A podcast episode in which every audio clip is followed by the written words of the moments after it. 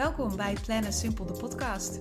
Ik ben Renske en deze podcast gaat over productiviteit, gewoontes en alles wat daarbij komt kijken.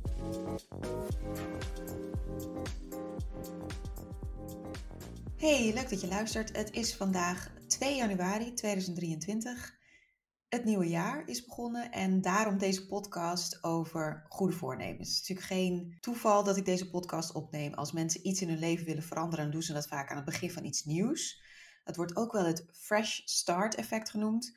Dus het kan voor jou ook op een heel ander moment zijn, bijvoorbeeld na de zomervakantie. Of voor veel studenten kan het iets zijn van, nou, dit semester ga ik vanaf nu alles anders doen. Maar aan het begin van het jaar, is natuurlijk iets universeels. Dus vaak begin je dan aan iets nieuws. Nou, die goede voornemens, hè, ja, in Amerika ongeveer 44% blijkt het onderzoek doet aan goede voornemens. In Zweden is dat trouwens veel minder, is maar 12 tot 18% ongeveer. Dus blijkbaar is dat niet echt een ding daar. In Nederland, ik heb het net nog even opgezocht, er is onderzoek gedaan bij het Hart van Nederland panel. Dat bestaat uit 40.000 mensen, dus prima steekproef. Of dat random is over heel Nederland, dat is een ander verhaal. Maar goed, um, en daarvan doet 34% aan goede voornemens. Dus toch een derde. Heel benieuwd waarom jij deze podcast luistert. Misschien zit jij te denken aan een goed voornemen. Misschien zit je, ben je al begonnen aan een goed voornemen en weet je eigenlijk nog niet precies hoe. In ieder geval, wat blijkt, ook uit heel veel onderzoek, is dat de meeste goede voornemens blijft heel weinig van over. En bedenk je wel even dat mensen die meedoen aan onderzoek naar goede voornemens, nou ja, daar kom ik straks nog even op terug. Dat zegt natuurlijk sowieso al iets. Maar goed, ik heb uit onderzoek gevonden dat daar werden 200 mensen gevolgd die aan de slag gingen met een goed voornemen. Dus die hadden de intentie al om dat te doen. En na een week waren daarvan nog 77% die zich daaraan hielden. Na drie maanden was dat 43%. En na twee jaar, dus dit was een langdurig onderzoek, toen was er nog 19% over van de mensen die hadden gezegd dat ze volle bak voor goede moed aan een goed voornemen gingen beginnen. Dus ja, het is overduidelijk dat hier wel een probleem in zit. Laten we zeggen dat dus en maar een derde deze kans grijpt, zou je mogen zeggen, van dit fresh start effect om aan een goed voornemen te beginnen. En van dus de mensen die aan een goed voornemen beginnen, stopt er ook heel veel weer mee.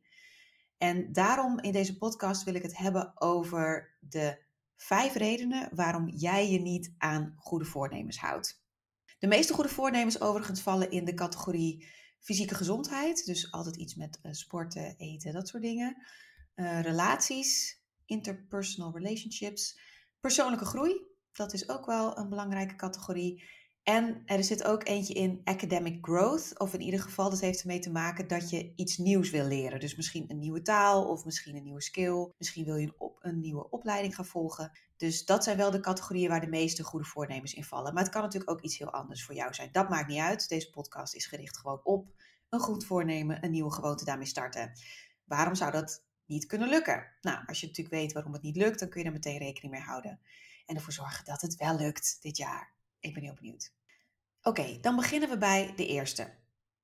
Je omschrijft je doel te vaag. Je hebt er waarschijnlijk dan iets van gemaakt als, nou, ik wil gezonder leven, of ik wil online zichtbaarder zijn, of ik wil meer weten over SEO, of dat soort dingen. Hartstikke mooi, maar je maakt het daarmee dus nog niet concreet. Ik bedoel, wat betekent het voor jou als jij gezonder wil leven. Want ik kan nu zeg maar al veertien dingen opnoemen wat te maken heeft met gezonder leven. Het kan natuurlijk van alles zijn. Maar waar bestaat het voor jou uit als je gezonder wil leven? Als je dat dus helder hebt, dan kun je dus ook veel concreter maken. Wat ga je daar elke dag mee doen? Nou, dat is natuurlijk ook zoiets als online zichtbaarder zijn. Oké, leuk. Wil dat zeggen dat je dan elke dag een post op LinkedIn gaat plaatsen? Of wil dat zeggen dat je uh, één keer per twee weken een reactie wil plaatsen op een post van een ander? Online zichtbaarder zijn, ja, daarmee kun je al heel snel natuurlijk je eigen doel hebben bereikt. Als je ook maar één dingetje meer of extra doet dan je in 2022 hebt gedaan. Dus wat maakt het voor jou concreet wat jouw doel is? Een ander iets is met je doel, dit blijkt ook uit onderzoek, dat als je hem positief formuleert, dan is de kans groter op succes dan wanneer je hem negatief formuleert. Dus als jij jouw doel formuleert als, uh, ja, liever dus iets als ik wil meer rust in mijn hoofd door te mediteren, bijvoorbeeld, dat dat je doel is dan ik wil minder onrust door die prikkels op mijn telefoon af te laten nemen, zoiets. Dus zorg ervoor dat je jouw doel dus niet alleen concreet formuleert, maar dus ook positief. Wat is hetgene dat je wil bereiken in plaats van wat is hetgene dat je niet meer wil? Dus dat kan ook heel erg helpen om de kans te vergroten dat je je aan je eigen doelstelling houdt. Belangrijk is ook om iets te zeggen over jouw doelstellingen, niet alleen over een jaar. Dus bijvoorbeeld, waar wil ik over een jaar staan? Heel mooi om daar een doel voor te stellen. Maar bijvoorbeeld ook tussendoelen formuleren. Waar wil je zijn volgende week? Over een maand? Hoe ziet jouw wereld eruit over drie maanden? Want dit is ook iets wat uit onderzoek blijkt. Als wij zeg maar een doel voor ogen hebben op de kortere termijn, dus dat we ook weten dan is het bereikt, dat stimuleert ook de motivatie om het vol te blijven houden. En zo'n doel dus van over een jaar, dat ligt eigenlijk te ver weg om de motivatie hoog te houden in het hier en nu. Dus stel niet alleen een doel verder weg, maar dus ook tussendoelen. Waar wil je tussentijd staan, zodat je ook die successen tussendoor kunt vieren.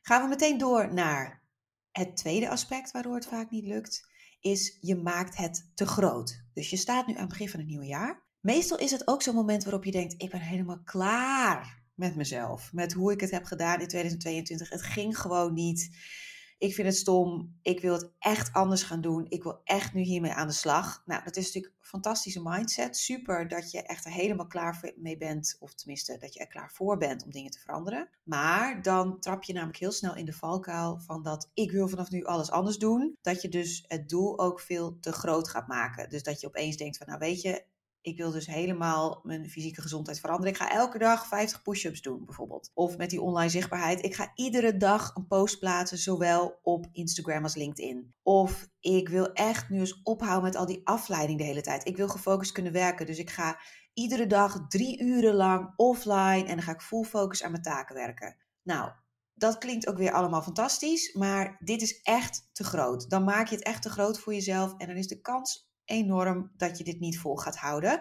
En dat is natuurlijk het allerbelangrijkste, dat je de gewoonte creëert. Dus het wordt veel makkelijker als je het opdeelt in kleine stappen. En dan krijg ik heel vaak de vraag: oké, leuk, want deze heb je natuurlijk vaak al vaker gehoord. Je moet het klein maken. Maar wat is dan klein? Wat is klein genoeg? Nou, dit is ook weer echt even iets persoonlijks, want het gaat er dan vooral om wat klein genoeg voor jou is, dat je het jezelf kunt zien doen. Dus stel even voor dat we dus vandaag of morgen met deze nieuwe gewoonte beginnen. Zie je dan jezelf al 50 push-ups doen? Is dat iets van je denkt, ja, dat is haalbaar voor mij, dat kan ik prima doen? Vaak denk je dan in je hoofd al, oké, als ik over een kwartier die 50 push-ups zou moeten doen, heb ik nu al geen zin in, is te veel. Waarschijnlijk denk ik na 11 al, kill me now, klaar ermee. Dus wat zou het voor jou kunnen zijn dat het dus een stap is die je zet, die je jezelf zou kunnen zien doen en waarvan je denkt, dat kan ik. Dat is te doen en dat is ook iets wat ik op korte termijn kan doen.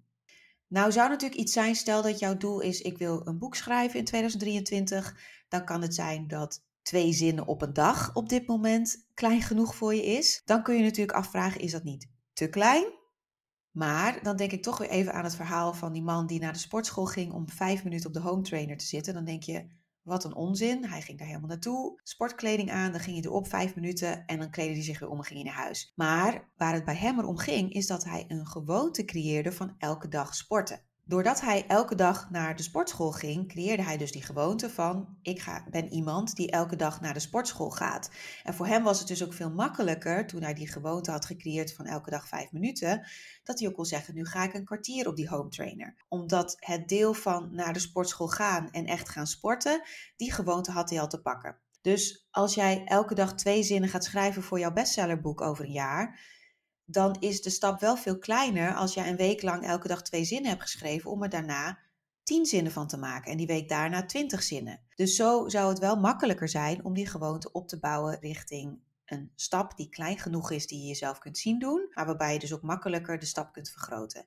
Zorg trouwens wel voor dat je niet te snel die stap ook vergroot. Het moet dus nog steeds wel voldoen aan de voorwaarden dat het klein genoeg is, dat je het jezelf nog steeds kunt zien doen. Dus als die vijf push-ups op een dag makkelijk gaat, prima.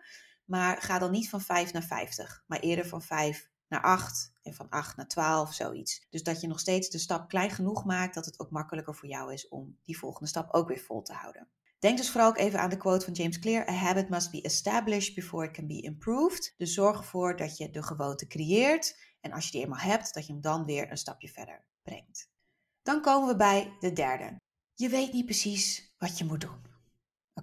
Uit onderzoek blijkt dat je de skills nodig hebt om te kunnen veranderen. Je hebt ook de bereidheid nodig om te willen veranderen, maar ook het geloof in jezelf dat je kunt veranderen. Dus dat je kunt doen wat je moet doen om te veranderen. Nou, we hebben het dus al gehad over dat je je doel niet te vaag moet omschrijven, dat je het niet te groot moet maken, maar dit gaat dus vooral om wat je precies nodig hebt om te doen wat jij wilt doen.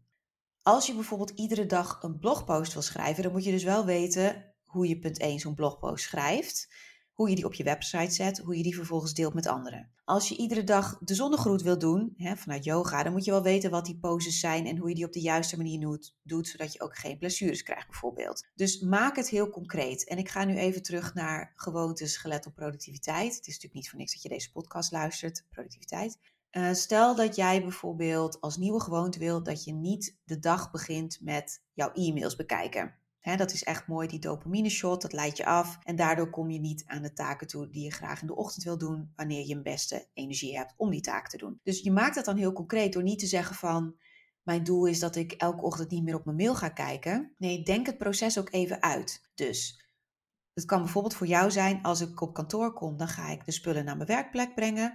Dan loop ik naar de koffie, dan ga ik koffie pakken. Terwijl ik wacht dat die koffie loopt, ga ik bedenken welke taak ik straks ga doen. Of nog beter, dat heb je bij het afsluiten van de werkdag daarvoor al bepaald. Je loopt terug naar je werkplek, je zet je koffie neer, je start je computer op en je gaat als eerste die taak doen. Dat. Je zou bijvoorbeeld ook nog hierbij kunnen denken aan dat je even een paar instellingen verandert op je laptop. Dus dat het icoontje bijvoorbeeld van je mailprogramma niet meer zo beschikbaar is. Dus dat je die losmaakt van de taakbalk. Dus dat je weet welke afspraken je bijvoorbeeld hebt, zodat je niet je e-mail hoeft te openen om naar de agenda-functie te gaan, zodat je kunt zien of je afspraken hebt. Dus zorg ook echt voor dat je niet dat programma nodig hebt om de taak te kunnen doen die je dus die ochtend gaat doen. Dus maak het aan alle kanten voor jou zo gemakkelijk mogelijk en zo concreet mogelijk dus ook, dat je precies weet wat je moet doen om deze nieuwe gewoonte te kunnen doen. Nou, een andere bijvoorbeeld, dit hoor ik ook vaak dat mensen zeggen: ik wil echt iets gaan doen met minder smartphonegebruik. Dus stel dat jij gaat zeggen: ik wil als nieuwe gewoonte pas op mijn telefoon kijken vanaf 11 uur s ochtends bijvoorbeeld. Nou, dat kan betekenen dat je eerst wat handelingen moet verrichten als een wekker kopen. Je kunt even een hele simpele digitale wekker kopen, zodat je niet meer je telefoon nodig hebt om je wekker in te stellen. Uh, iets waardoor je ook dus weer weet dat je niet je telefoon nodig hebt, welke afspraken je misschien hebt ochtends. Misschien dat je de, een papieren agenda moet gebruiken of dat je dat even opschrijft. Het kan ook zijn dat je een riedeltje nodig hebt dus voor die avond daarvoor. Dus dat je zegt, als ik s'avonds naar bed ga, dan leg ik mijn telefoon in de bovenste la van het grijze kastje beneden. Als ik wakker word, dan zet ik mijn wekker uit en dan zet ik vervolgens die wekker of een timer om 11 uur. En als dan die wekker om 11 uur gaat, dan pak ik mijn telefoon uit, het la, uit de la van het grijze kastje. Dus dat je op die manier het ook weer heel specifiek maakt. Dit is de gewoonte waar ik mee aan de slag wil. Wat heb ik nodig om die gewoonte te kunnen doen? Dan ga ik naar de vierde. En dit is een hele belangrijke. Je vindt het helemaal niet leuk om de gewoonte te doen. Nou kan het natuurlijk zo zijn dat het iets is. Hè, er zijn altijd dingen in het leven die niet leuk zijn om te doen, maar die alsnog moeten gebeuren. Hè? De badkamer poetsen, belastingaangifte doen. Vind ik ook allemaal echt niet leuk om te doen. Maar ik doe ze wel. En er zijn een paar manieren waardoor je het leuker voor jezelf kunt maken. Het eerste is, is dat je, doordat je de gewoonte gaat doen, dat je het effect daarvan merkt en dat dat het leuker maakt om het te doen. Dus wat je daarvoor zou kunnen doen, is dat je uh, vooral in het begin, dan heb je natuurlijk wat meer effort nodig om de gewoonte te doen. Maar zorg ervoor dat als je het hebt gedaan, dus bijvoorbeeld als je inderdaad dus niet op je telefoon hebt gezeten tot 11 uur, dat je even opschrijft om 11 uur als die wekker gaat, voordat je je telefoon weer pakt, dat je even opschrijft, wat heeft het me gebracht deze ochtend dat ik mijn telefoon niet had? Wat heb ik kunnen doen? Hoe heb ik mijn ochtend besteed? Wat geeft het mij voor gevoel dat ik mijn telefoon deze ochtend niet heb gebruikt en dat ik dit dus ook kon doen? Dat ik trots ben op mezelf omdat. Dat soort zinnetjes. Maak dat af. Dus sta er echt even bij stil wat het je heeft opgeleverd dat kan ook weer heel erg helpen om de dag daarna te doen. Dus pak dat briefje er bijvoorbeeld weer even bij. En zeg van, oh ja, ik was gisterochtend, heb ik van, vanaf het moment dat ik opstond tot 11 uur heb ik dit, dit, dit en dit kunnen doen. Ben ik totaal niet afgeleid door die apps die me normaal gesproken afleiden. Dat heeft me heel veel gebracht. Dus daarom is dat nu ook weer een stimulans om het vandaag weer te kunnen doen. Dus dat werkt goed. Een tweede is, is dat je dat wat je niet leuk vindt aan de gewoonte, dat je het koppelt aan iets dat je wel leuk vindt om te doen. Dus stel dat sporten jouw nieuwe gewoonte wordt voor 2023 bijvoorbeeld. Ehm, dat je twee keer per week drie kilometer wil gaan hardlopen. Dat je zegt, nou ik heb een favoriete podcast of een favoriete playlist. Die vind ik superleuk, dus dan ga ik die alleen luisteren tijdens het hardlopen.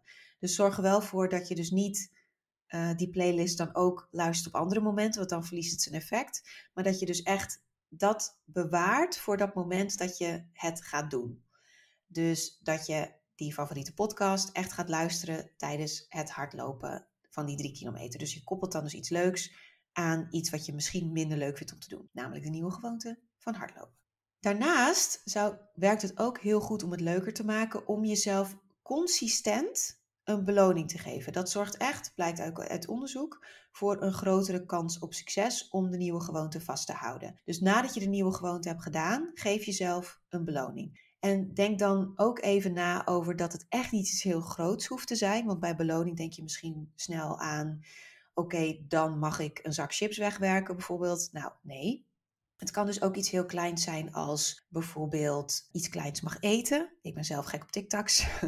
Dus dat is iets wat ik soms wel bewaar als kleine beloning voor mezelf.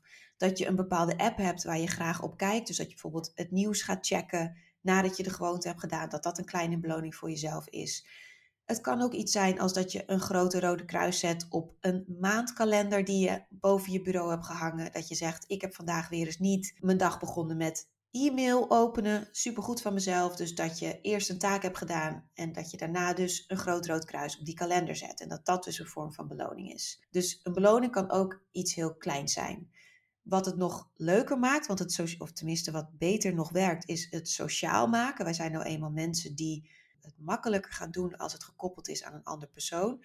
Dus je zou het ook kunnen doen dat je afspreekt met een collega of vriend, vriendin. Dat je zegt, ik stuur je even een appje van bijvoorbeeld, nou, zo'n emoji die dan, uh, zo'n feestslinger. dat je zegt, die stuur ik naar je als ik mijn gewoonte heb gedaan. Dan hoeft die ander dan bijvoorbeeld alleen maar te reageren van, hey, cool man, goed gedaan. Zoiets. Maar dat het in ieder geval een mini-beloning is van, ik mag nu weer die emoji naar die persoon sturen. Dus kan ook een kleine trigger zijn om het leuker te maken. Oké, dan gaan we naar de vijfde de laatste alweer. En dit is een hele, hele belangrijke. Mensen hebben je misschien vandaag wel gevraagd naar je goede voornemens. Gaan dat misschien vaker doen? Gaan er misschien deze week naar vragen? Dan vertel je daarover. Misschien wel heel enthousiast. Prima, je zegt iets, je belooft wel iets. Misschien schrijf je het in je agenda, maak je een wekelijkse afspraak met jezelf. Zet je het op een whiteboard, I don't know. Maar als je dan die melding krijgt van je agenda, of als je het op je whiteboard ziet staan en je doet er vervolgens niks mee, dan gebeurt er alsnog natuurlijk helemaal niks. Dan blijf je alsnog stilstaan, wordt die gewoonte, dat wordt hem niet. Dus de vijfde is echt dat je een vage belofte aan jezelf maakt, maar je hebt geen commitment. En een belangrijke zin ga ik nu even zeggen. Je hebt namelijk om een nieuwe gewoonte te doen iets, een vorm van een stok achter de deur nodig.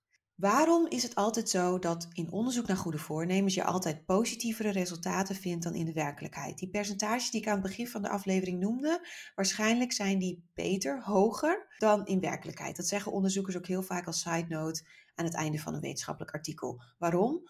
Omdat mensen die meedoen aan zo'n onderzoek al committed zijn aan dat onderzoek. Je meldt je aan bij dat onderzoek, je moet dan dus waarschijnlijk een vragenlijst invullen bij het begin. Je moet invullen waarom je die goede gewoonte gaat doen, wat je gaat doen. Er is iemand die ook dan bijhoudt van oké, hoe gaat het ermee? want diegene wil natuurlijk onderzoeken wat het percentage succes is. Gaat je daar naar vragen? Dus dat soort dingen is al een vorm van commitment, waardoor de kans groter is dat jij de gewoonte ook echt gaat doen dat jij je aan het goede voornemen houdt. Dit lijkt heel erg op het Hawthorne-effect, heb je misschien wel eens van gehoord. Dat was in de jaren 20, werden experimenten gedaan in de Hawthorne-fabrieken, daarom heet het zo. En de bedoeling van het onderzoek was, is om te kijken of bepaalde verbeteringen in arbeidsomstandigheden ervoor zouden zorgen dat werknemers productiever zouden worden. En ze gingen toen de mensen in twee groepen verdelen. De ene helft van de groep die kreeg dus die betere arbeidsomstandigheden, de andere groep bleef het hetzelfde. Wat bleek bij het onderzoek is dat beide groepen betere productiviteit lieten zien. En dat vonden die onderzoekers opeens, hadden ze totaal niet verwacht. Dus toen gingen ze daar onderzoek naar doen. Van hoe kon het nou dat in beide gevallen, of er dus betere omstandigheden waren of niet, dat mensen productiever gingen werken. En toen bleek uit gesprekken met ook dus die groep waarbij er niks veranderde, dat ze zeiden dat de belangstelling van de onderzoekers, maar dus ook de leidinggevende, bij hun welzijn, bij hun manier van werken, dat dat al werkte als motivatie, als iets stimulerends. En er kwam dus ook een soort groepsgevoel in ze naar boven. Van oké, wij staan hier als team, wij zijn een groep, als groep gevormd en wij gaan laten zien dat wij productief kunnen zijn. Dus dat soort dingen kan heel goed werken. Dus welke commitment ga jij aan, waardoor je dus niet meer een vage belofte aan jezelf maakt, maar dat je ook echt je verbindt aan iets door het ook echt te gaan doen. Dat kan bijvoorbeeld zo zijn door, wat ik eerder al zei, bijvoorbeeld over die emotie naar iemand te sturen. Maar er ook echt over te delen. Dus mensen erover te vertellen dat je dat doet. Want die goede voornemens waar mensen je vandaag of morgen naar gaan vragen, daar gaan ze je heel vaak nooit meer naar vragen. Maar wel als jij er bijvoorbeeld over vertelt. En dat je bijvoorbeeld op social media erover deelt. En dat je zegt, ik heb nu dit gedaan. Ik heb nu het nog een keer gedaan. Dat je een foto van die maandkalender met die rode kruisen deelt. Dus neem mensen ook mee in dit proces. Dat kan een hele goede zijn. Waar ik zelf nu mee bezig ben, is planners maken. En ik heb een planner gemaakt voor een nieuwe gewoonte creëren, maar ook stoppen met iets wat je niet meer wilt doen. En zo'n planner elke dag invullen, dat kan ook een vorm van commitment zijn. Dus dat je echt, je wil geen lege bladzijden in die planner, je wil dat heel graag invullen, je wil de juiste stappen zetten, je wil erop ook echt even reflecteren en echt even meenemen van ik ga hier nu mee aan de slag. En zelfs zoiets kleins kan dus heel erg helpen, hè, want die planner maak ik echt heel overzichtelijk. Plannen simpel heet mijn bedrijf niet voor niks. Ik maak het simpel, concreet, praktisch. Dus dat je het elke dag iets korts invult. Maar juist door dat in te vullen, heb je dus een vorm van commitment waardoor je veel gemakkelijker die gewoonte vasthoudt. Dus wat gaat voor jou die stok achter de deur zijn, waardoor je ook echt die gewoonte gaat doen? Dit kan dus ook heel persoonlijk zijn. Dit komt ook in de planner terug, dat we het echt even over gaan nadenken met een paar stappen. Wat voor jou de belangrijkste stok achter de deur is. Want dat verschilt per persoon. Ik ga je nu niet te lang op in. Dat komt in de planner wel aan bod. Maar zorg er dus voor dat je een bepaalde commitment aangaat en geen vage belofte met jezelf. Oké, dus even de recap. Zorg ervoor dat je doel niet te vaag is, dat het niet te groot is. Dus dat je het opdeelt in kleine stappen die je zelf kunt zien doen. Dat je weet wat je precies moet doen. Dus dat je het echt concreet maakt en even dus zo'n habit stack, zo'n riedel maakt voor jezelf. Als ik dit heb gedaan, ga ik daarna dat doen. Ga ik investeren in die analoge wekker bijvoorbeeld, zodat ik mijn telefoon niet meer nodig heb. Maak het concreet. Zorg ervoor dat je het in ieder geval leuk vindt om te doen. Als je het niet leuk vindt om te doen, grote risicofactor dat je het ook niet volhoudt. En zorg ervoor dat je een bepaalde commitment aangaat, stok achter de deur en geen vage beloftes met jezelf maakt. Heb jij nog meer een stok achter de deur nodig dan alleen die planner? Dan heb ik goed nieuws, want ik ga onder de mensen die de planner zouden willen hebben, ga ik uh, drie planners gratis verloten met een coachgesprek met mij. Dus dan ga ik je echt ook nog helpen als extra stok achter de deur om ervoor te zorgen dat, dat dit jaar anders voor jou gaat zijn. Dat jij echt met deze nieuwe gewoonte aan de slag gaat. Dat het voor jou verandering gaat brengen. Dat het jou gaat brengen wat jij wil, wat jouw doelstellingen zijn en dat jij die daadwerkelijk dit jaar gaat behalen. Dit jaar wordt voor jou anders. Wil je kans maken daarop? Ik heb er een post voor gemaakt, die heb ik vastgemaakt op uh, Instagram, dus op mijn account Rens. Dat zet ik ook even in de show notes. Dus daar kun je reageren op die post en dan maak je kans op een gratis planner samen met een coachgesprek. In ieder geval heel veel succes met jouw goede gewoontes.